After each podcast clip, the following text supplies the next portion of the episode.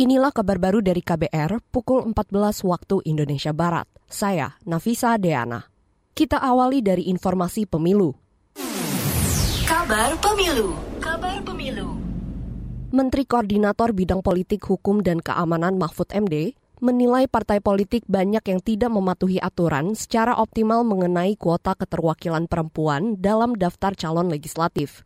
Mahfud mengatakan parpol kerap asal-asalan dalam mengisi kuota caleg perempuan. Menurut Mahfud, hal itu berpotensi mendiskriminasi perempuan oleh parpol dalam keikutsertaan politik.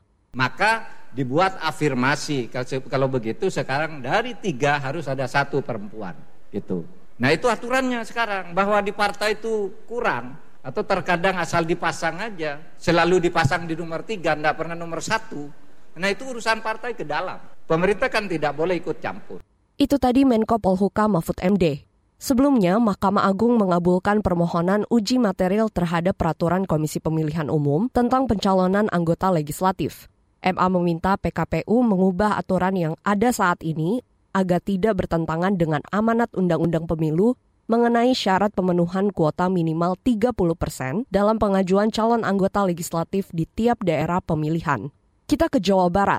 Pemerintah Provinsi Jawa Barat menegaskan gedung milik pemerintah bukan untuk tempat kegiatan politik, termasuk kampanye pemilu 2024. Penjabat Gubernur Jawa Barat B. Mahmudin mengatakan akan menggandeng Badan Pengawas Pemilu atau Bawaslu dan Komisi Pemilihan Umum KPU untuk menginventarisasi gedung-gedung mana saja yang boleh dan tidak boleh digunakan untuk kampanye.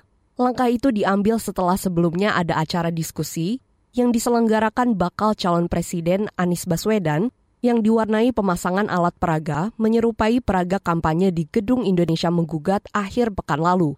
Dari Bapak Riset dan Kebudayaan Jawa Barat, saya kira juga Bapak Anies sebagai mantan gubernur, mantan menteri juga paham bahwa ada aturan yang harus ditegakkan oleh para ASN ini di mana mereka melihat ada baliho-baliho dengan tulisan capres cawapres dan sudah jelas bahwa aturan KPU melarang adanya pelaksanaan eh, yang bersifat seperti kampanye selama sebelum kampanye. Penjabat Gubernur Jawa Barat B. Mahmudin menuturkan, larangan ini sesuai surat imbauan KPU terkait larangan terhadap partai politik peserta pemilu memasang alat peraga sosialisasi yang menyerupai alat peraga kampanye. Lokasi yang dilarang meliputi tempat ibadah, rumah sakit, gedung pemerintah, termasuk fasilitas milik TNI Polri dan BUMN BUMD. Beralih ke informasi lain, PT Pertamina Patraniaga memastikan stok dan distribusi energi aman untuk mendukung penyelenggaraan ajang balap dunia MotoGP di sirkuit internasional Pertamina Mandalika.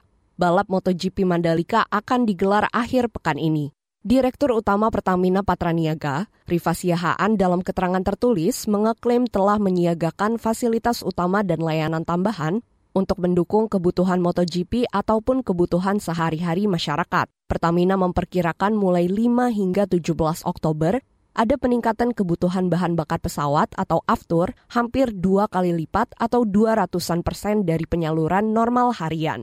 Depot pengisian pesawat udara DPPU akan beroperasi 24 jam untuk memenuhi kebutuhan aftur bagi pesawat logistik, pesawat sewa, serta peningkatan jadwal penerbangan menuju dan dari Lombok. Sementara penggunaan BBM diproyeksikan meningkat lebih dari 40 persen dari konsumsi harian. Proyeksi penambahan itu termasuk tambahan konsumsi untuk BBM operasional balap, termasuk safety car, hingga kebutuhan BBM untuk mobilitas masyarakat dan penonton. Demikian kabar baru dari KBR, saya Nafisa Deana.